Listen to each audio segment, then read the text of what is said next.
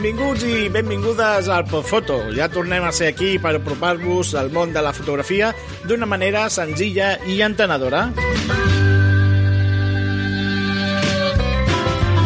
Per a qui no ens conegui, doncs dir-li que Podfoto és el podcast de Mediacom Ràdio dedicat a parlar de fotografia en català. Primer de tot, em presento, sóc en David Rius, realitzador del podcast i fotògraf especialitzat en fotografia de concerts i espectacles. Iniciem aquí un nou episodi d'aquesta segona temporada del podcast, ja per la segona, eh? Qui ho havia de dir? Doncs uh, aquest uh, segon episodi, el segon de la sèrie, i avui estrenem una de les novetats d'aquesta temporada, l'espai d'entrevistes, i ho fem tenint una conversa amb una convidada molt viatgera.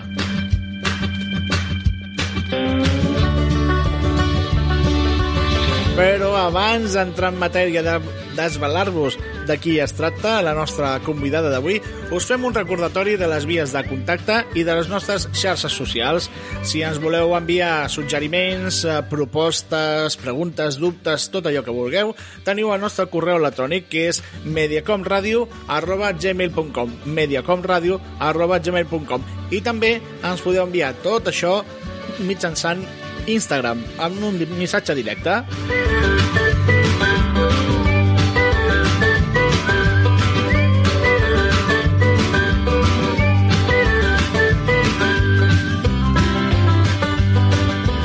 El nostre Instagram és podfoto barra baixa mediacom ràdio. És molt fàcil. En trobar Instagram, ens busqueu en podfoto barra baixa mediacom ràdio i allà estem. Aquest és el perfil d'Instagram del podcast. Però també un servidor doncs, eh, té un perfil d'Instagram on podeu veure doncs, els projectes que he realitzat durant molt de temps.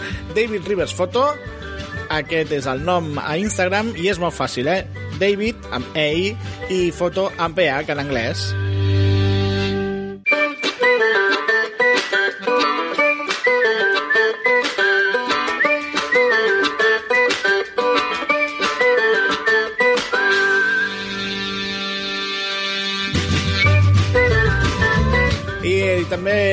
També una altra de les xarxes socials on som presents és a Twitter. Ens trobareu amb arroba mediacomradio.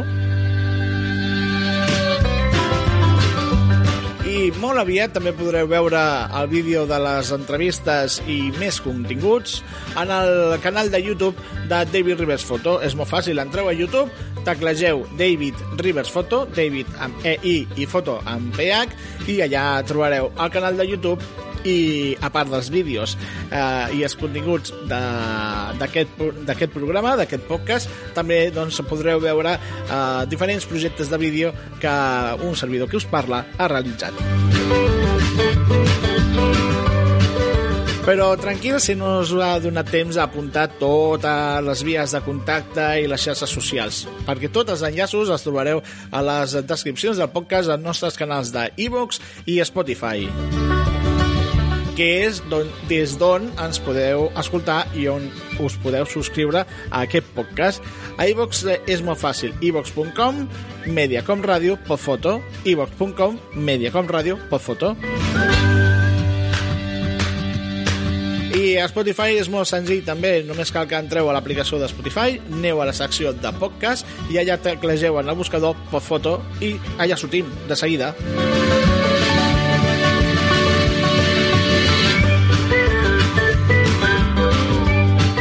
Ara sí, comencem l'episodi d'avui.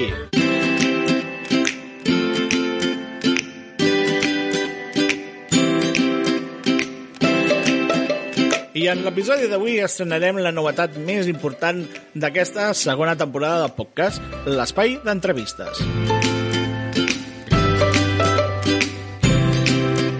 I la convidada que ens acompanyarà d'aquí uns segons, molt poquet, és una gran amant dels viatges i la fotografia, passió que ha sabut combinar a la perfecció.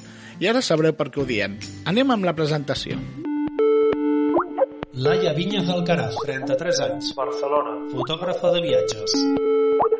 La passió per la fotografia li ve de família, en concret del seu avi Agustí, qui retratava la Barcelona dels anys 40. D'ell ha heretat diferents càmeres que l'han anat introduint en el món de la imatge, on més enllà de la fotografia també ha realitzat vídeos i ha rodat algun documental. Viatgera per naturalesa, la Laia ha estat a més de 35 països del món, sobretot a la zona d'Àsia, on durant un any va recórrer l'Índia, Sri Lanka, Tailàndia, Myanmar, la Xina, Cambodja, Vietnam i Laos. Tots els indrets que ha visitat en els seus viatges fotogràfics durant 5 anys estan recollits en el seu webblog Travel Online, que el trobareu a l'adreça laiavinyes.com. La xarxa està present a Instagram com laiavinyes.barcelona baix i a Flickr, Twitter i YouTube la trobareu com a Laia Vinyes.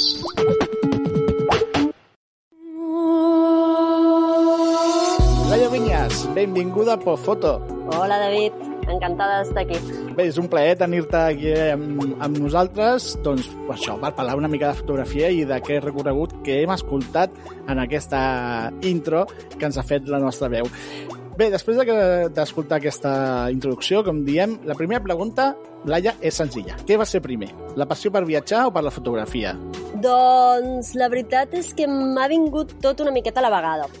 Vale? Eh, realment, aviam, el, el viatjar va ser el primer, el que passa que una miqueta inconscient, perquè ho feia bueno, he tingut la sort de que mons pares des de ben petita m'han portat a recórrer món, llavors ja ha estat una mica dins meu, no? el fet de, de no parar de d'intentar sempre estar descobrint nous indrets, nova gent, sobretot noves cultures. Llavors, el tema del viatge em venia ja una miqueta de, de sang, tot i que la fotografia també, com ja heu dit, el meu avi de tota la vida s'ha dedicat a, a retratar Barcelona i sempre que anava a casa els, meu, els meus avis, els dos, doncs veia tot de càmeres antigues que les tenien por ahí, sempre toquetejava, xafardejava tots els estris estos tan raros, no? I li demanava al meu avi que m'ensenyés les fotos. Per tant, ha sigut una cosa que m'han vingut mm, les dues cosetes a la vegada, no? El viatjar i la fotografia, moltes altres coses en la vida, està claro, però bueno, he acabat eh, decidint que,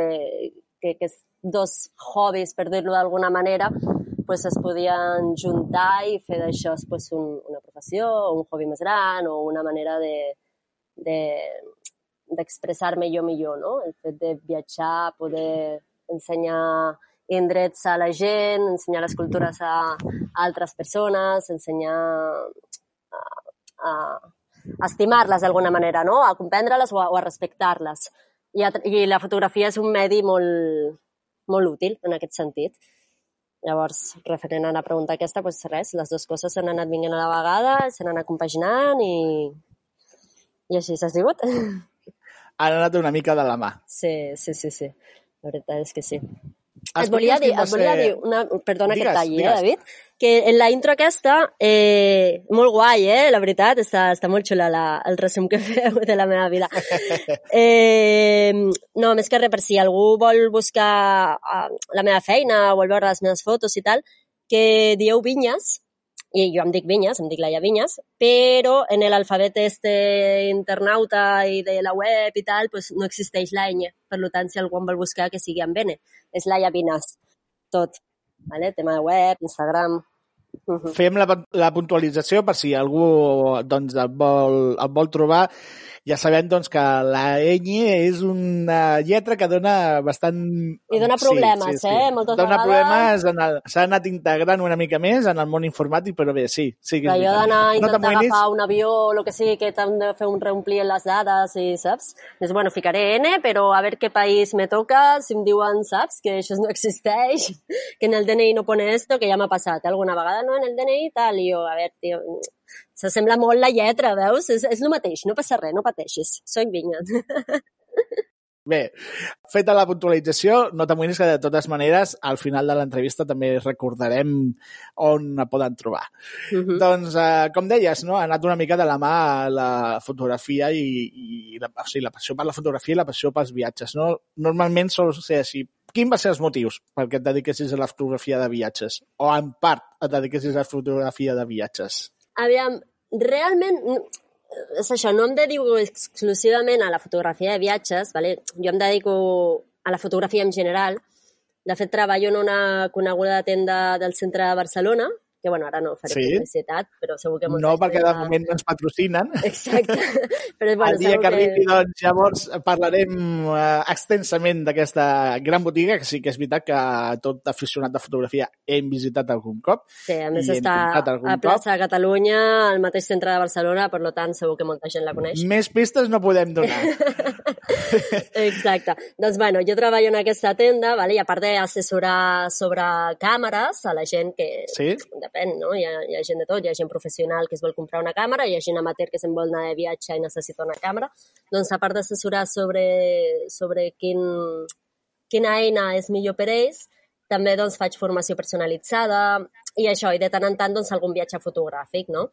Uh -huh. eh, això és l'últim que he incorporat i, bueno, pues, parlant amb l'empresa en plan de, oye, pues mira, pues, per créixer una miqueta més, eh, com que és una empresa també que està molt, molt, molt segmentada, no? No, no només és, és això, no només és venda de, de material fotogràfic, sinó que és això, fa formació, viatges fotogràfics, assessorament, i, i això, i ara, des de fa un parell o tres d'anys, em dedico a fer un viatge cada any que és a les Bardenes Reales.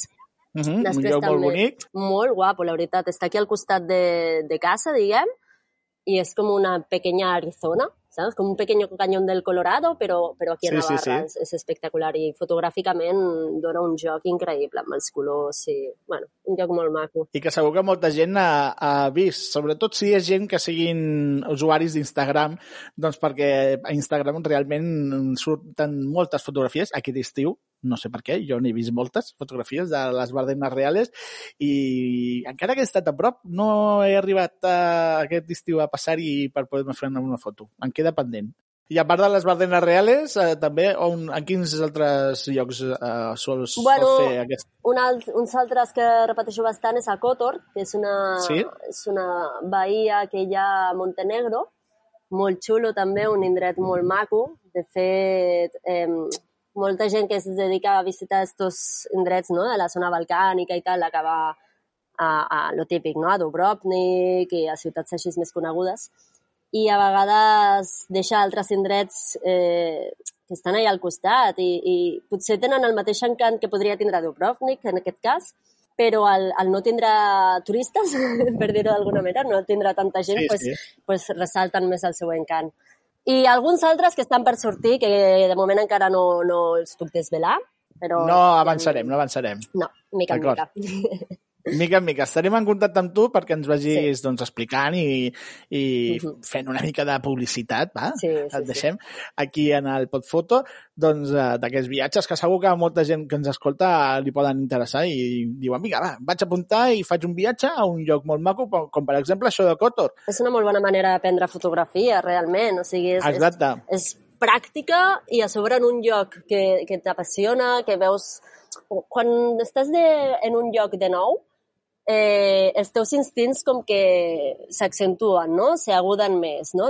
L'ull fotogràfic que té una persona està més obert a, a descobrir coses noves, els colors també es perceps d'una manera diferent i et, et, no sé, t'obre més la, eh, les ganes aquestes que hi ha de disparar i, i d'observar, inclús. Llavors, és una molt bona sí, sí. manera d'aprendre fotografia viatjant. Sí, sí, i a més a més, com és un viatge fotogràfic, vas amb altra gent que també són, eh, tenen la mateixa afició que tu, amb la qual el, el compartir coneixements és brutal. Claro, no, no i a més amb un professor que qualsevol cosa tècnica, dubte i Exacte. tal, pues, tu pots solventar, sí, sí. està clar. Doncs eh, ja sabeu, eh? De tant en tant anirem parlant amb la Laia perquè quan tingui novetats sobre els seus viatges fotogràfics la convidarem aquí al Postfoto perquè ens ho digui Fet. i així, doncs, eh, si voleu, doncs us podeu apuntar. Vinga, continuem amb l'entrevista, que volem saber més coses. Eh? A veure, quan vas començar a viatjar per fer fotografies, o a fer fotografies mentre viatjaves, una cosa porta l'altra, portaves més o menys material de ara portes? Va, quin equip i material utilitzes habitualment i quin creus que seria doncs, un equip bàsic i imprescindible per poder cobrir totes les situacions o idees que fotografia mentre es viatja? Aviam, bona pregunta. És que aquí hi ha moltes opcions, aviam. Jo vaig començar amb un material que ara doncs, realment no, no el carregaria ni, ni loca perquè era molt pesat i ara hi ha opcions molt més lleugeres que a l'hora de viatjar doncs, et fan la vida més fàcil. La tecnologia ens ha facilitat això també. Sí, exacte. L'evolució també... de la tecnologia i de les càmeres. Sí, sí, sí. I també depèn del tipus de viatge que vagis a fer, eh? O de les fotografies que facis. Perquè, per exemple, és diferent eh, l'equip de fotografia que t'enduries de trekking pels Pirineus o a l'Himalaya, no? L'equip sí. que t'enduries per fer un mm. safari a Àfrica. Saps? En aquest sí, últim, sí. per exemple, segurament necessites uns objectius més llargs, això més teleobjectius, no? Més zooms, i un equip més pesat. En... Els lleons no es deixen fotografia de prop. Exacto. Això, aquelles fotos que surten en què veus el lleó obrint la, la boca amb el tros de carn en el dent, t'asseguro que la persona que ha fet aquesta foto estava a uns quants metres del lleó, eh? Sí, sí, fins i tot podem dir gairebé un quilòmetre o més. Segurament, sí. I amb equips grans, pesats i normalment cars. Però bueno, sí, sempre sí. es poden trobar cosetes assequibles. I després és el que diem, si te'n vas a fer un altre tipus de viatge, que és més, no sé, fotografies de paisatge o, o trekkings, no? Això és que diem, eh, te'n vas als Pirineus i vas a fer una travessa de quatre dies, doncs aniràs amb un equip més lleuger, no? Ara hi ha les fotografies aquestes, les mirrorless, ai, les fotografies, les sí, càmeres, la, perdona. La, les, les sense mirall, sí. Exacte. Que, això... que realment donen, donen una qualitat, han arribat a un punt de qualitat espectacular. Vull dir, ja estan en el mateix, al claro. mateix nivell que les, que les reflex de tota la vida, no? Que bueno, les, inclús les superen, eh? Algunes, aviam, hi ha models sí, i models, sí. eh? Però, claro, és el que et deia al principi, no? Jo vaig començar viatjant amb una reflex, perquè ja fa uns quants anys, i, i anava amb una reflex i un zoom, un 18-200 i després un objectiu fixe, no? un 50 mil·límetres. I anava pues, canviant i bueno, és, és un equip molt pesat. I des de que vaig començar a... Bueno, vaig decidir que havia de renovar el meu equip perquè ja, ja tenia... Uau, se tenia 8 anys o així, aquesta càmera que em va, em va saber molt de greu, eh, desfer-me d'ella, perquè realment és una càmera sí, sí. que seguia funcionant, o sigui, realment no, no tenia per què desfer-me d'ella perquè seguia funcionant, però ja era com... No, carregar massa, no, no val la pena moltes vegades. I és això, el, els, les càmeres mirrorless pensa que no només és que siguin més petites i més lleugeres, que també, sinó que també són més ràpides. Sí, sí, ho, he pogut comprovar, sí, sí en tinc una i, i ho puc comprovar i realment ara ha, ha, ha, ha fet que mm, la meva pobra reflex estigui una mica arraconada. Ja, sí, jo la tinc també. Però... A la vitrina, en plan de, bueno, funciones, però estaràs aquí con mis càmeres. Les càmeres que han passat al llarg de la meva vida, no? Sí, sí, que no sí, les sí. llançaré perquè els tinc un carinyo enorme, però, bueno, ja no me les emportaré. A lo millor algun dia, això ho he fet amb alguna analògica, no? Allò que dius, va, vaig a comprar-me un carret i a fer fotos, però allò de, per Barcelona, eh? en plan, no, la carregaré d'un viatge perquè, primera, que és car, fotografia en, en analògic, i segona, que quan te'n vas a viatjar t'agrada disparar molt. Has de disparar molt... Molta gent ja, Laia, no se'n recorda o no sap el que és el, el fotografia en analògic. Fotografia en analògic tenia la seva feina perquè havies de mesurar molt bé la llum perquè no sabies el resultat i només el sabies quan ja t'havies gastat uns quants diners sí, sí. en revelar un carret, en positivar les, aquelles imatges de revelades i veies oi, aquesta imatge està cremada, o oh, aquesta imatge està superposada. I llavors mm, havies d'ajustar mm, molt bé la llum perquè totes les exposicions, ara no, ara amb la fotografia digital fas la foto. Ah, aquesta no m'agrada, fora. Aquesta és que de els ulls tancats, fora. Eh, és molt més ràpid. En això hem guanyat, però també hem perdut una cosa, que és la preparació a l'hora de fer una fotografia. Exacte, ja estem molt ben acostumats a disparar, mirar, no m'ha agradat, torno a disparar. O directament Exacte. disparo set fotos de la mateixa imatge i ja després ja triaré i alguna m'haurà quedat bé. Això no és massa bo, de cara a l'ull fotogràfic, saps? O sigui, no, no ens pensem la imatge abans de disparar, simplement disparem sense pensar i... Exacte, no composem mentalment en aquella imatge. Bé, bé, ens estem anant una mica per altres, per altres, per altres ports. Vinga, anem a parlar sobre viatges i parlant sobre el viatge en si, un cop ja has, ja has triat el destí, com ho fas? Eh, com fas la planificació de viatge? Utilitzes algun programa, alguna app per a mòbil per fer-ho? Bueno, un altre cop depèn del viatge.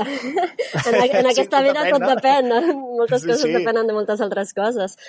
Per exemple, aviam, jo quan viatjo amb la meva furgoneta, que últimament fa, fa això, fa un anyet, fa més d'un anyet ja que em dedico a fer viatges amb, amb la furgo, faig servir una aplicació molt útil que es diu Per Fortnite. Ala, mira, aquí ja he fet publicitat, toma ja. És una app gratuïta que molts eh, furgoneteros, m'incloc, també ho soc, doncs uh, utilitzem. Utilitzem uh -huh. i bé, hem fet publicitat? Sí, bueno, sí. Ah. farem d'algunes altres perquè ja són aplicacions que molts viatgers ho fan, us les fan servir. Per exemple, aquesta t'ajuda a triar els llocs on pots pernoctar, els serveis que té, etc. Si per al contrari te'n vas a un viatge en un indret on cal mirar bé on t'allotjaràs, permisos, preus per entrar als parcs, bueno, tot això, jo llavors tiro molt d'internet, perquè hi ha molta gent que ja ha viatjat abans que tu a aquests llocs i, es de, i fan, els agrada explicar-ho, tenen blogs de viatges. Per sort, tenim aquesta gran eina que és internet i que ens facilita molt el que és la, la comunicació entre viatgers. Sí, sí, és, és la, la, la, xarxa de xarxes, realment. Exacte. És on està tota la informació, que a vegades costa de destriar bueno, és una, una feina, és una feina si. El viatge, el, el viatge comença en el moment en què tu te sentes davant de l'ordinador i comences a mirar coses, no sí, en el sí, moment sí. en què agafes l'avió o en què puixes al cotxe. És, és, comença molt abans, jo crec. I parlem del tema econòmic. Quin pressupost en marques quan fas un viatge i com tu gestiones? Suposo que em començaràs dient depèn de tot. Ara ja ho has dit tu, per tant ja m'ho Però clar, a la intro, a la introducció, hem dit doncs, que tu has estat un any, més d'un any, Uh -huh. uh, viatjant per la zona d'Àsia. Uh -huh. Has visitat, doncs, set, set països, em sembla, si no vaig equivocat. Uh, sí, no? L'Índia, Sri Lanka, Tailàndia, Myanmar, la Xina, Cambodja, Vietnam i Laos. Sí. Ai, quasi que m'he cansat, eh, de dir-los tots. Uh, I realment, uh, com tu vas planificar per, per visitar aquests viatges? Uh, tant, doncs, Suposo que també en tema permisos, no sé si la Xina i altres països dels que Uf, he anomenat... és el que més va costar. Um, tema permisos també per poder viatjar i això. Mm. Si, et van donar, si et van posar algun impediment per anar a alguna zona o per visitar alguna cosa en algun d'aquests països. I a més a més el tema econòmic, com ho vas fer per gestionar els diners um, per viatjar? Sabem que són zones on, per exemple, hi ha coses que són molt econòmiques, uh -huh. menjar i, i fins i tot l'hospedatge, però suposo que els viatges fins allà, amb l'avió i aquestes coses, no crec que ho siguin tant. Com et gestiones el pressupost i, i el tema permisos i tot això, com va anar durant aquest, aquest periple per l'Àsia? Sí, com bé dius, David, òbviament el més, el més car del viatge és moure't vale? Sí. arribar al lloc i després des d'aquell, jo què sé, per exemple, el primer, la, en aquest viatge d'Àsia, no? la primera parada va ser Delhi, vam anar directes a la Índia. Uh -huh. Està clar que el més car de tot el viatge és el vol de, de Barcelona a Delhi, en aquest cas, no? Sí. Eh, després, un cop arribes allà, és com tu dius, o sigui, menjar, dormir, tot això és molt econòmic comparat amb, amb preus que puguin haver a Europa. Eh, pensa que jo a vegades he arribat a dormir per 3 euros la nit ¿sabes? Eh, y, y, en hotel bien, ¿eh? No, no, sin, sin animales de compañía extra ni res, ¿vale? no, no, però vull ja, tothom, dir que... Tothom ho ha entès, això, eh? Exacte. Els animals de companyia. Que en alguns llocs te'ls trobes, eh? Per intentar anar molt econòmic, però el que et vull dir també és que jo he pogut arribar a dormir per 20 euros la nit en un hotel de lujo, ¿vale? d'aquests de, de 5 estrelles, piscina, jacuzzi a l'habitació i tal, per 20 euros la nit cosa que un hotel aquí d'aquestes característiques et valdria 200. Vale? Vull sí. dir que depèn dels països on viatgis, eh, l'allotjar-te és realment econòmic. També t'he de dir, jo en aquest tipus de viatges prioritzo, en, en concret aquest a Àsia, prioritzava el poder allargar-lo més que no el poder dormir en llocs més de luxe. Vale? Sí que és veritat que de tant en tant ens pegàvem algun lujito, com això és pegar-nos un hotelazo, però prioritzàvem sí, sí. més el fet de poder estar-nos un altre mes i poder creuar Laos, no? en vegada de, això, de dormir en sitios més de lujo. I, I el menjar, això és una altra. O sigui, el menjar, a mi m'agrada molt experimentar eh, el que mengen els locals. Vale? I si sí. tu vas a Àsia veuràs que molta gent menja al carrer per dir-ho d'alguna sí, manera, aviam sí, si sí. m'explico. És a dir, hi han com puestecitos al carrer, carritos, sí. no? On fan... Lo que, aquí serien les típiques xurreries o sitio de hot dog en Amèrica? pues allà hi ha carritos on, on et, menja, et preparen plats, plats típics sí. d'arròs o de fideus o, o de lo que sigui, i que estan boníssims i que tu dines per 50 cèntims. Sí, sí, sí, sí. I és el millor, que després eh, te'n vols anar a un hotel, perquè hi ha molta gent no, que pues, pues, a lo millor prefereix dinar millor i anar-se un, al restaurant d'algun hotel perquè sap que allà pues, tindrà menjar més, més occidental. Claro, això, llavors és més car. I a mi alguna vegada ho he tingut que fer en aquest viatge perquè, jo sé, això que agafes alguna indisposició i dius, bueno, aquesta setmana tocarà menjar bé, saps? I llavors has de gastar més la pasta. Però, bueno, ja et dic, eh? Rarament... Això és que la gent no... Eh, si menges verdura, neteja-la abans, perquè ells l'han netejat amb aigua seva, tu has de portar sempre una ampolla per netejar-ho tot abans. Jo no sé. I les, i les pastilles aquestes potabilitzadores, exacte, no? Suposo també, exacte, segons en sí. quins països, sobretot Sí. el tema de l'aigua. Aviam, eh, no ho sé, hi ha, hi ha gent i gent, no? Jo sóc una mica més bruta en aquest sentit, per dir-ho d'alguna manera, però no m'ha passat res, saps? O sigui, però també és veritat que potser va, va algú i, té, i li agafen tots els mals la primera setmana, o sigui, és possible.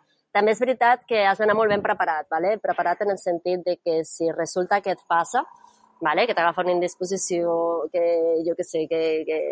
qualsevol cosa, inclús que et trenques una cama, jo que sé, pues has de saber bé quins són els hospitals que tens a la vora, eh, has d'anar amb un seguro mèdic, això sí, o sigui, mai viatjaria sense una assegurança mèdica o jo què sé, pots fer, molt, pots fer moltes boixeries, però sempre tinguent com un, com un recolzament, que sàpigues que si en algun, algun moment et passa alguna cosa, pues, puguis, per exemple, jo pues sí, pues alguna vegada havia begut eh, aigua que dius, bueno, pues no ho sé jo si és realment de, d'ampolla o si l'han reomplert, no? O... Ara no escoltem a la Laia. Laia? Hola? Hola, hola. Hola! Ara, ara t'he tornat a recuperar. Ara t'hem tornat a recuperar. T'hem tornat a recuperar. Eh, bé, deies això, no?, del tema del menjar i que has d'anar, bueno, has de tenir algunes precaucions perquè Exacte. bé, ja sabem que, que el canvi d'aigües sempre és difícil i els menjars, els gustos també són, són diferents. Uh, per exemple, a la zona de l'Índia i bueno, a tota Àsia també el tema del picant Ah, ja, també el tot és porten molt picant. més i òbviament nosaltres eh, millor doncs la nostra dieta, el nostre menjar no és així i doncs òbviament a l'estómac s'ha d'acostumar una mica. Clar. Però, si portes aquestes precaucions que tu dius, eh, doncs bé, sempre pots fer més el que fan els, autot, eh, els oriundos, no? els autòctons de, de la zona. I que si veus que no, pues, bueno, et gastes més el dineret, vas a un hotel occidentalitzat i ja està, no passa res. Ah, exacte, exacte. el que dèiem del tema permisos, perquè dius, eh, claro, és que els diners, els diners, en el fons, tu gastes. En, en menjar i en allotjar-te, ja et dic, et gastaràs el que tu vulguis. Pots gastar-te eh, 5 euros o gastar-te 20 o gastar-te 60, el que vulguis, pots Sí. Eh, tema permisos, no pots triar. O sigui, aquí todo el mundo paga lo mismo, ¿vale? I no acostumen a ser econòmics. Ni els permisos, ni les entrades a parcs naturals, ni el fet de tindre que agafar una... Tre... Bueno, per moure't entre els llocs sí que és veritat que tens l'opció de l'avió, que sempre és la més cara, la més ràpida i la més fàcil, diguem, entre cometes, Sí, però després tens altres opcions com és el tren, que a mi m'agrada molt, però el fet de que mentre tu estàs amb el tren també vas descobrint, no? Vas, vas veient els paisatges per on passes i tal. L'autobús encara és més barat, però també t'he de dir que en aquests països és encara més perillós, sí, sí. perquè sí. condueixen una miqueta a lo loco, diguem. Però bueno, i el que són, ja et dic, on et gastes els diners de veritat és en visitar llocs, eh, jo que sé, si vas a la Índia no pots deixar-te d'entrar al Taj Mahal, o si vas a... Però no pots deixar de pujar al Machu Picchu, saps? Per molt car que sigui eh, l'entrada, ho has de fer. S'ha de fer i, Sí, sí. i ja està. Igual amb els parcs naturals i tal. I els permisos. Els permisos, aviam, en el fons el que pagues són els visats, que tampoc és que sigui una Exacte. cosa mm, tan, tan cara, ¿vale? però el que sí que és car moltes vegades, diuen que el tiempo és oro, no? És tot el temps que has d'invertir en aconseguir aquell permís. Vale? Per exemple, el que dèiem, un dels llocs més complicats que he estat jo és, la, és a Xina, Sí? I quan viatges així una miqueta sense tindre plans de futur, tu saps quan entraràs a un país, però no, no saps realment si t'estaràs dues setmanes, tres o, bueno, el que pugui ser, no? Llavors, eh, a Xina sí que ho has de saber.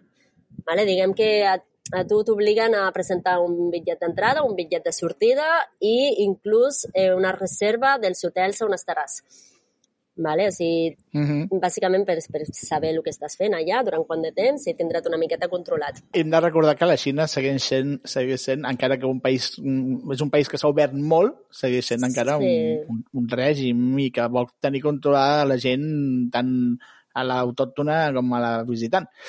No, no, no t'ho fiquen fàcil, diguem. O sigui, si, t'ho fiquen fàcil realment si ets una persona que va a visitar el país i, i, i tens tot una miqueta clar, no? Tens, tens marcats els llocs on estaràs i tot això, però fer-ho així una miqueta per libre no t'ho fiquen tan fàcil. El tema de la improvisació i ah, ja no... que no, ells no controlin on, on estaràs en cada moment mm. no els acaba d'agradar, no, no, no. no, això? No, no, sempre hi ha trucos, eh? Hi, hi he entrat amb sí, trucos, sí, però bueno. està clar, està clar.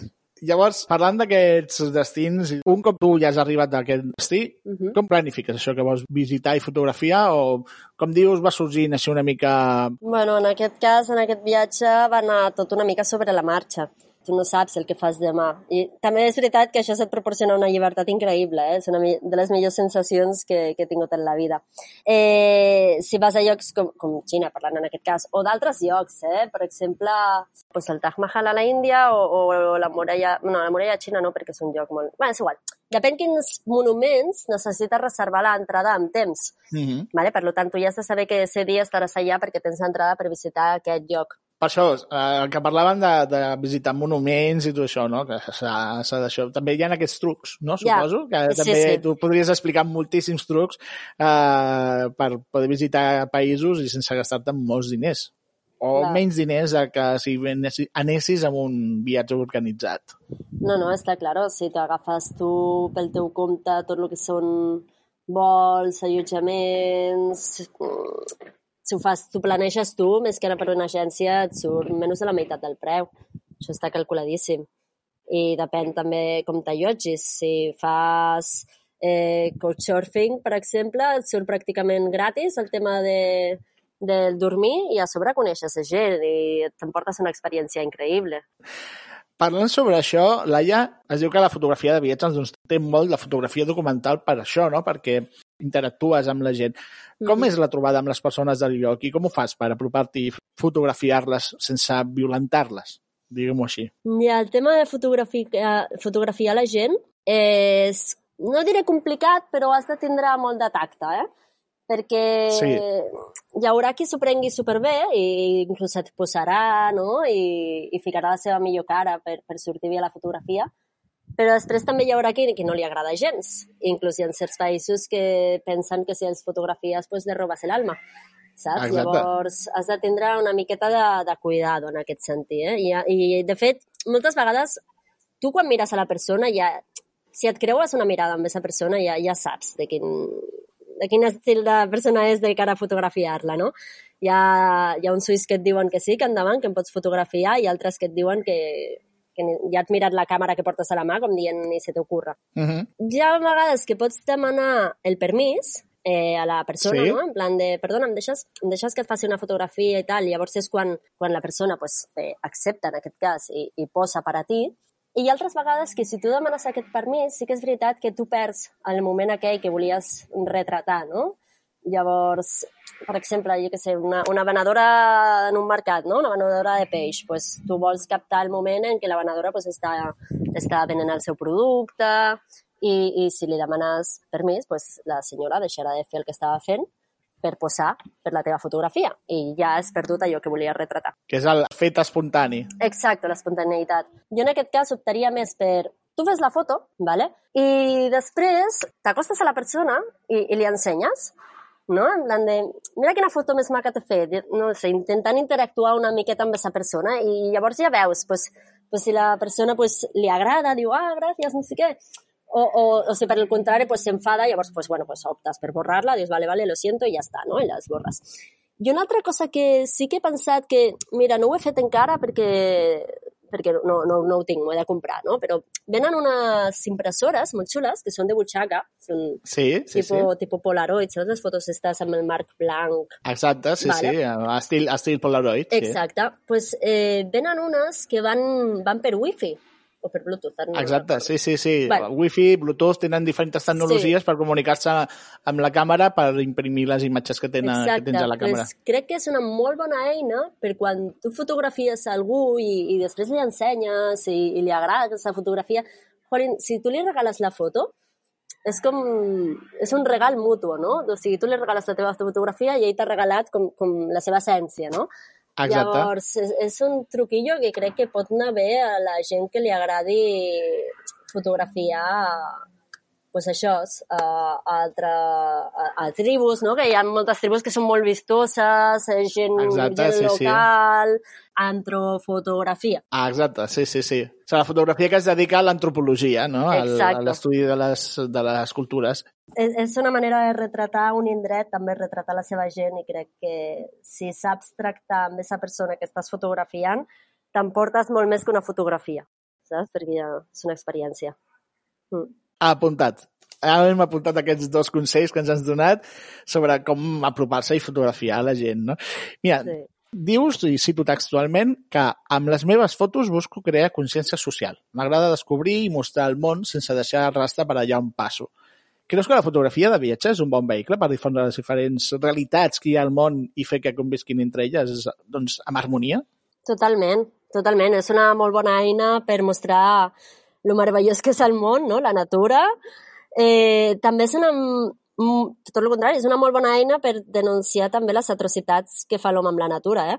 Soc molt partidària de no sempre ensenyar la part bonica de l'indret, sinó la realitat d'ensenyar com al voltant, per exemple, de la Serenita de Copenhague hi ha 500 persones intentant fer la foto bonica eh, quan cap, mires cap a l'altre costat hi ha una fàbrica enorme que no deixa d'expulsar fum. Vull dir que Exacte. l'indret tampoc és que sigui tan maco, saps? O sigui, el maco és cap a un costat.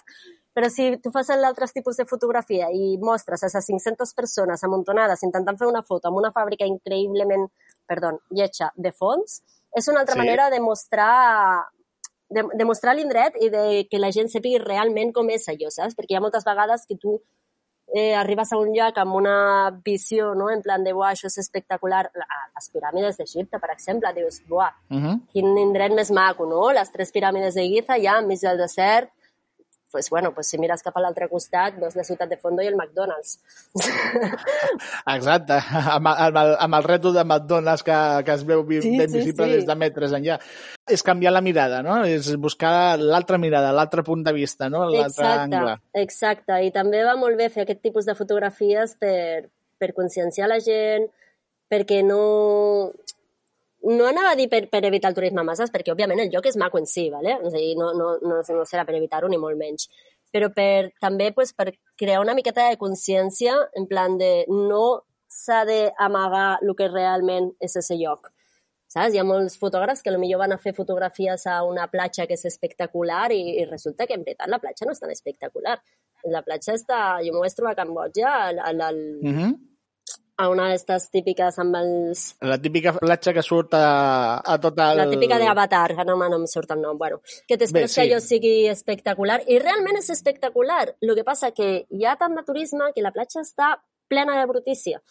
Plena, hi ha ampolles de plàstic per tot arreu, hi ha, hi ha... i llavors està bé també fotografiar aquesta brutícia per crear una miqueta de, de, de consciència social i de dir realment eh, si vas a aquest lloc intenta mantindre'l tal com t'agradaria que sortís a les teves fotos saps? No ves fent la Sí, sí, foto sí. i després en Photoshop eh, Photoshop eh, esborra aquesta ampolla perquè no sé què... Bueno, potser ho pots fer, però també des, després mostra la realitat. Saps? Crear una miqueta de consciència social en aquest sentit crec que és molt important. Perquè si no, també les fotografies vindrien a ser com les fotografies dels uh, catàlegs de viatge, no? que són molt perfectes, mm, la platja està sola per tu, t'està esperant, t'està esperant, després vas i està pleníssima de gent, que no s'hi cap, Exacte, això es passa molt, eh? Passa molt. I després també el respecte cap a, no només a l'indret, sinó cap a les persones. exacte. Perquè això a mi m'ho he trobat en, en, en dues ocasions que em va impactar molt. Una va ser a Laos, hi ha una cerimònia que fan uns monjos budistes que és que cada matí surten a recollir pues, les almoines no? que s'hi donen als veïns en un poble de Laos. I és una cerimònia molt famosa, no? I, i tothom va a veure-la perquè és com visual. i hi ha unes fotos molt maques. Tu busques, eh, ceremonia laos budista, no sé què, monjes, i et surten unes fotos espectaculars. Pero yo me vaig presentar, obviamente, como todo buen fotógrafo, quiere hacer esa foto. I, I, claro, el que em vaig trobar em va deixar horroritzada, saps? Perquè era com mm, desenes de fotògrafs corrent darrere dels monjos per poder-li fer aquella foto, saps? I els monjos, pobres, corrent perquè els fotògrafs, pues, amb els seus flaixos, eh, és a primera hora del matí, hi ha poca llum, tot de flaixos, enfocant-li la cara a dos metres de distància, pobres saps? O sigui, se senten... Jo en ese moment... Estaven una mica, estaven una mica agobiats, no? Pobres monjos. Una mica bastant. I després un altre cas va ser a, a, al Japó, amb les geixes. També, no? Hi ha un carrer que és molt famós a Kyoto, on és molt famós perquè totes les geixes, quan van a les cases de, de te, pues, han de passar per aquell carrer.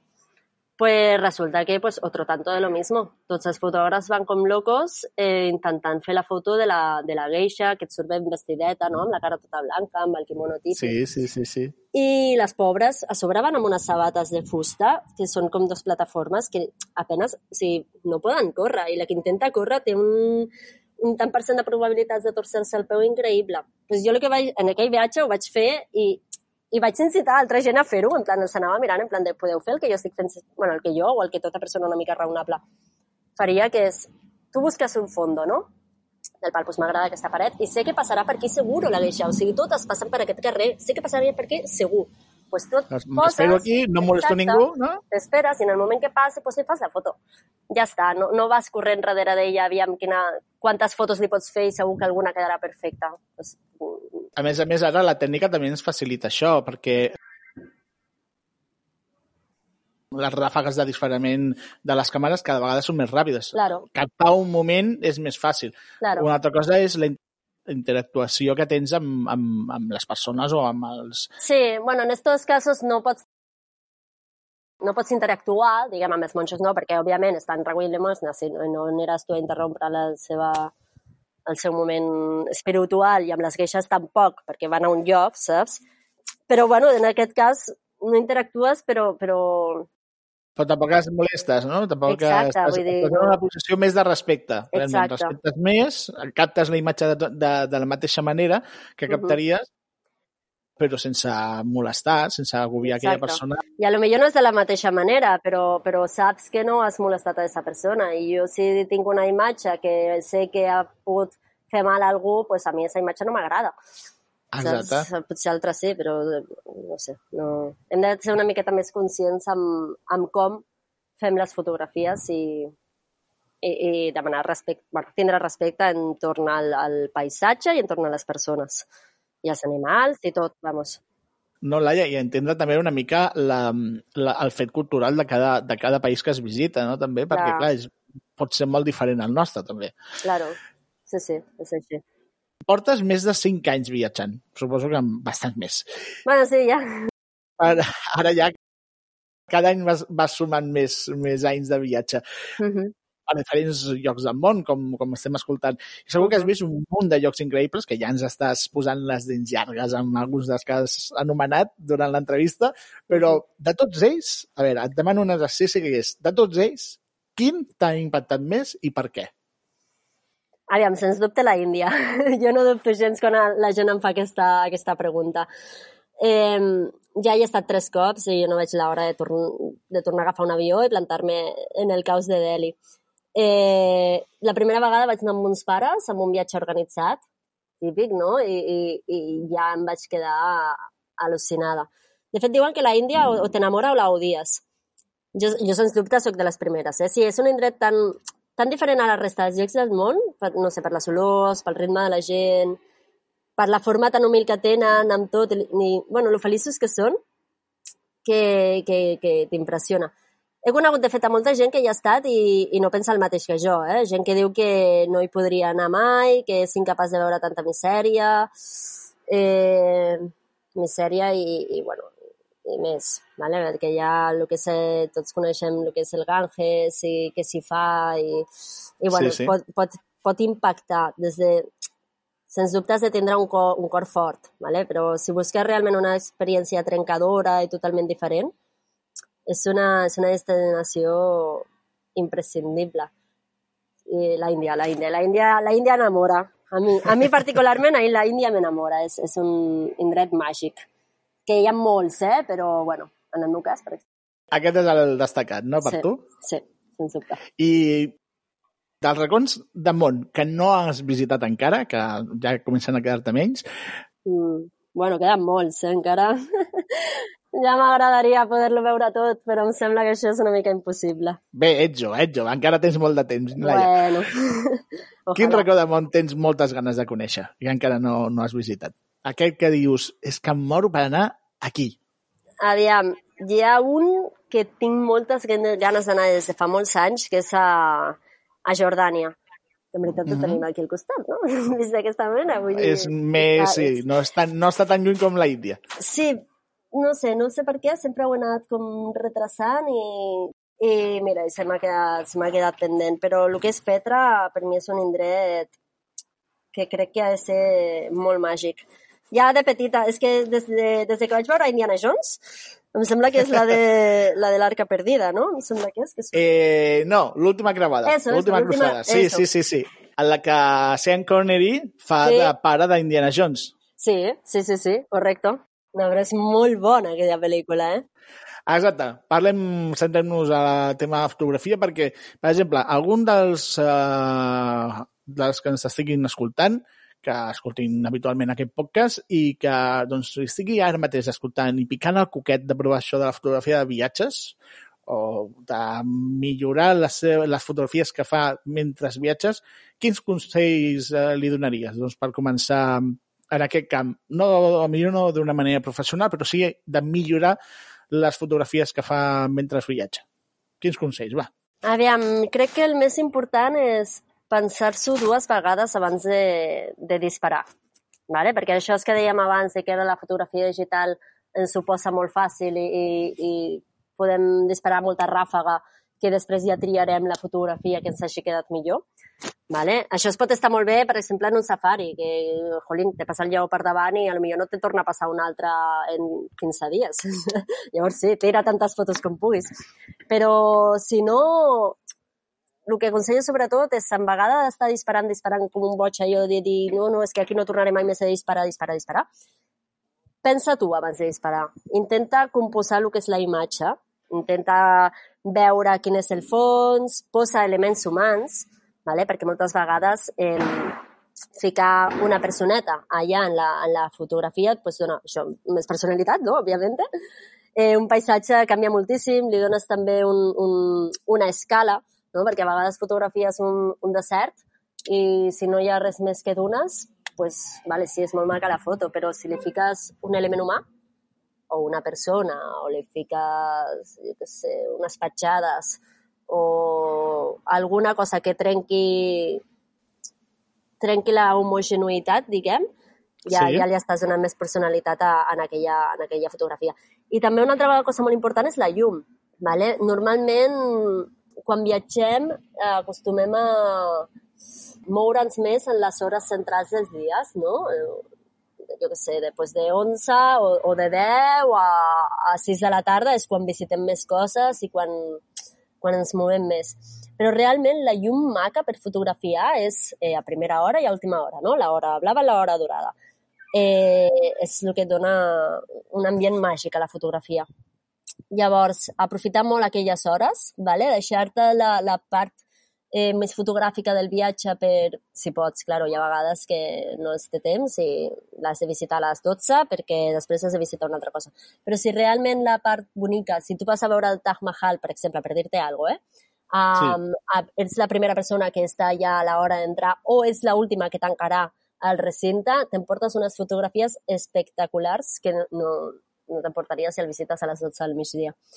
I després hi ha altres truquitos, si no pots fer altra cosa que visitar-la a les 12 del migdia, com són... Això ja són gadgets fotogràfics, eh? Però el típic filtres, filtres polaritzadors, filtres de NDs, degradats, que t'ajuden a suavitzar una miqueta la, la llum de, de, la llum tan forta que hi ha al migdia, t'ajuden uh -huh. a suavitzar-la. Inclús hi ha alguns filtres que tenen, tenen colors. I això ja es tracta de preparar-se més la fotografia, eh? Ja anar preparat Sí, sí. en trípode inclús i, i anar a fer la foto. Però això, hi ha diferents tipus de filtres que t'ajuden a, a trencar una miqueta la llum aquesta tan forta que hi ha a les 12 del migdia en, en un indret, en una platja d'Almeria, per exemple, no? Eh, sí, que sí. és una llum que t'ho crema, crema tot. Pues, escolta, li fiques un filtre d'edat neutre de, de 3, 4 passos i ja canvia moltíssim. Inclús pots fer fotografies de llarga exposició, no? Allò deixar l'obturador obert durant durant dos, tres segons i ja aconsegueixes l'efecte aquest sedoso de l'aigua, que la fotografia canvia moltíssim. Una platja, et busques una roca on, sí, poder, sí. on poder fer aquest efecte i, i la foto és una altra completament diferent a simplement agafar la capa de l'auto i disparar. Doncs uh, ja hem arribat al final de, de l'entrevista, Laia. Se m'ha fet curta. Doncs eh, hem, estat, hem estat parlant força estona, realment. Però, mira, abans d'acomiadar, mm, d'acomiadar-te, va, anem a recordar on podem veure les fotografies de la Laia. Al seu Instagram, que és laiavines.bcn barra baixa. Com hem dit al principi de l'entrevista, la enya canviada per la enya. Exacte. Exacte. També al teu perfil de, Flick, de Flickr, que podeu trobar com a Laia Vines, i també al webblog, al, al teu web, laiavines.com i també doncs, aquí en el weblog també podeu llegir els articles sobre els viatges que ha fet i descobrir un munt de projectes més que ha realitzat. Mm, visiteu la, el weblog que està molt i molt interessant. Uh -huh. I ara sí, Laia, tot un plaer haver-te tingut aquí en el Podfoto, en, aquesta, en aquest eh, segon episodi d'aquesta segona temporada del programa. Del ah, el plaer ha sigut meu, m'ha agradat molt estar aquí amb vosaltres. Aviam si ho repetim, aviat. doncs uh, sí, intentarem, si és possible, i Seguirem. la convidada vol, i la convidada vol, sí. eh, doncs uh, poder-te tenir de tant en tant doncs, perquè ens parlis de, de fotografia i de viatges. Podem parlar una mica de tot. D'acord, Laia? Doncs moltes gràcies a tu i ens veiem aviat, en la carretera, potser. Suposo que sí. Moltes gràcies, Laia. Sí, Fins aviat. Adéu.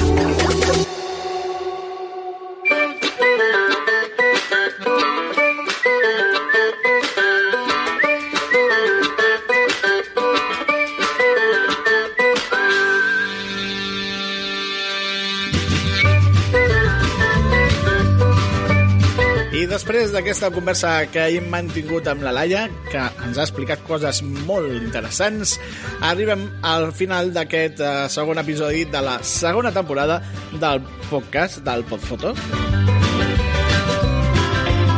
I en el proper episodi del Podfoto estrenarem una nova secció d'aquesta segona temporada, Històries de la fotografia. No us el perdeu. Això serà d'aquí una setmana, però fins llavors ens podeu seguir al nostre perfil d'Instagram, que és podfoto barra baixa Mediacom Ràdio, i escoltar-nos mitjançant els nostres canals de iVox i Spotify. Ei, i no oblideu de subscriure-us, eh? Ens escoltem de nou en una setmana. Adeu!